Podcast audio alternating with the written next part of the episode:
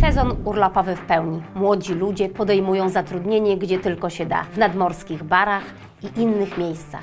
Umowa zlecenie jest dziś wyjątkowo atrakcyjną formą zatrudnienia. Dlatego właśnie w dzisiejszym odcinku HR po ludzku wspólnie z Beniaminem zajmiemy się minimalną stawką godzinową. Zleceniobiorcy. Co to jest? Kogo dotyczy? Z czego wynika i ile wynosi? O tym opowiemy w dzisiejszym odcinku. Bądź cierpliwy, zostań z nami, a już za chwilę wszystko będzie jasne. Ja się nazywam Monika Smolewicz i pomagam specjalistom w osiągnięciu mistrzostwa zawodowego, a pracodawcom i przedsiębiorcom zapewniam spokojny sen. Całkiem ważny temat.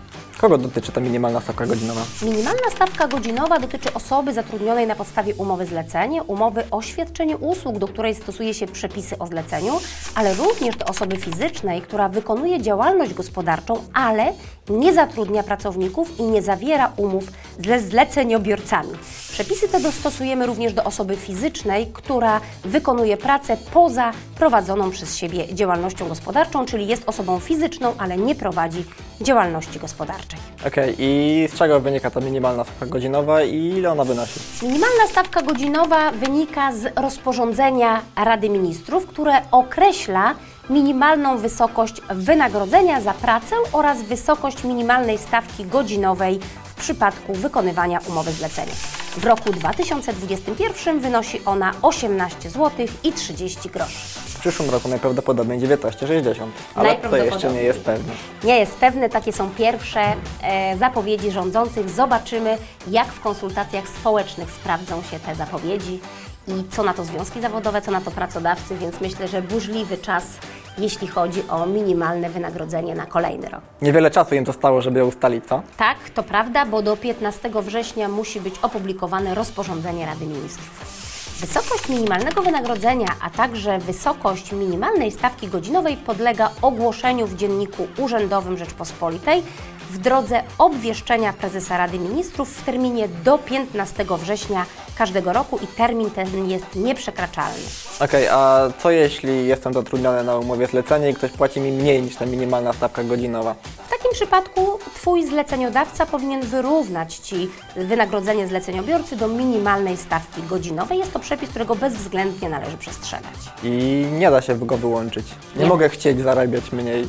Nie, nie możesz chcieć zarabiać mniej. Przyjmujący zlecenie czy też świadczący usługi nie może zrzec się prawa do wynagrodzenia wysok w wysokości wynikającej z minimalnej stawki godzinowej, albo też nie może przenieść tego prawa na inną osobę i powiedzieć: Ja chcę pracować bez wynagrodzenia, a moje wynagrodzenie niech otrzyma Zosia, Krysia czy Marysia. Tak samo chyba nie mogę się go zrzec, prawda? Nie możesz absolutnie ani zrzec się, ani przekazać innej osobie i wypłaty wynagrodzenia zleceniobiorcy dokonuje się w formie pieniężnej. Dobra, a jak często się wypłaca? Jeśli umowa zlecenie została zawarta na okres dłuższy niż jeden miesiąc, to należy wynagrodzenie z tego tytułu wypłacać co najmniej raz w miesiącu.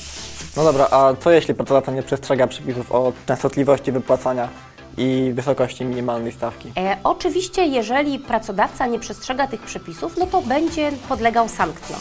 Co będąc pracodawcą lub działając w jego imieniu, wypłaca przyjmującemu zlecenie lub świadczącemu usługi wynagrodzenie za każdą godzinę wykonania zlecenia lub świadczenia usługi w wysokości niższej niż obowiązująca wysokość minimalnej stawki godzinowej podlega karze grzywny od 1000 do 30 tysięcy złotych. I tak samo ze spóźnieniem się z wypłatą? No, dokładnie taka sama sytuacja. To są sankcje, które obowiązują zarówno w przypadku nieprzestrzegania wysokości wynagrodzenia, jak również terminu wypłaty tego wynagrodzenia.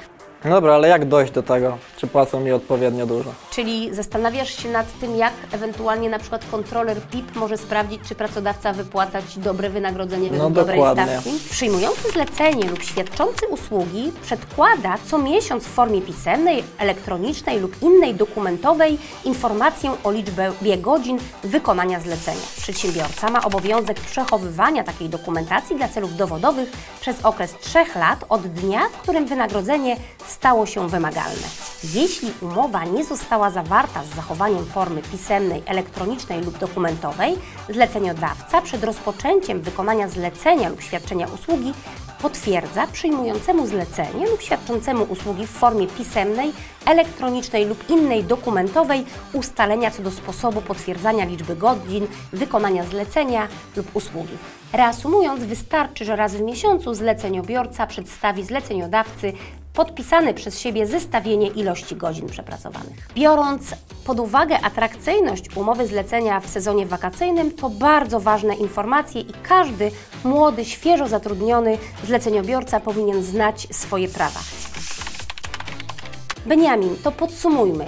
Czego dowiedzieliśmy się z dzisiejszego odcinka? Że minimalna stawka godzinowa aktualnie wynosi 18,30, że ostatnio co roku jest zmieniana i ostatnim terminem, żeby ogłosić jej zmianę jest 15 września, że raz w miesiącu muszę przedstawić swojemu pracodawcy, pracodawcy wykaz godzin pracy w danym miesiącu, a jeśli zleceniodawca nie spełnia swoich obowiązków, czyli płaci mi za mało lub płaci mi za późno, no to może go to kosztować dużo pieniędzy. Całkiem niemało, bo od 1000 do 30 tysięcy złotych. Także zapamiętaj, masz swoje prawa, pracodawca czy też zleceniodawca ma swoje obowiązki i każda ze stron powinna przestrzegać zarówno swoich praw, jak i respektować swoje obowiązki. Mam nadzieję, że dzisiejszy odcinek był dla Ciebie interesujący. Jeśli tak, koniecznie daj łapkę w górę. Subskrybuj nasz kanał, jeśli uważasz, że o czymś nie powiedzieliśmy, koniecznie napisz to w komentarzu. Do zobaczenia w kolejnym odcinku.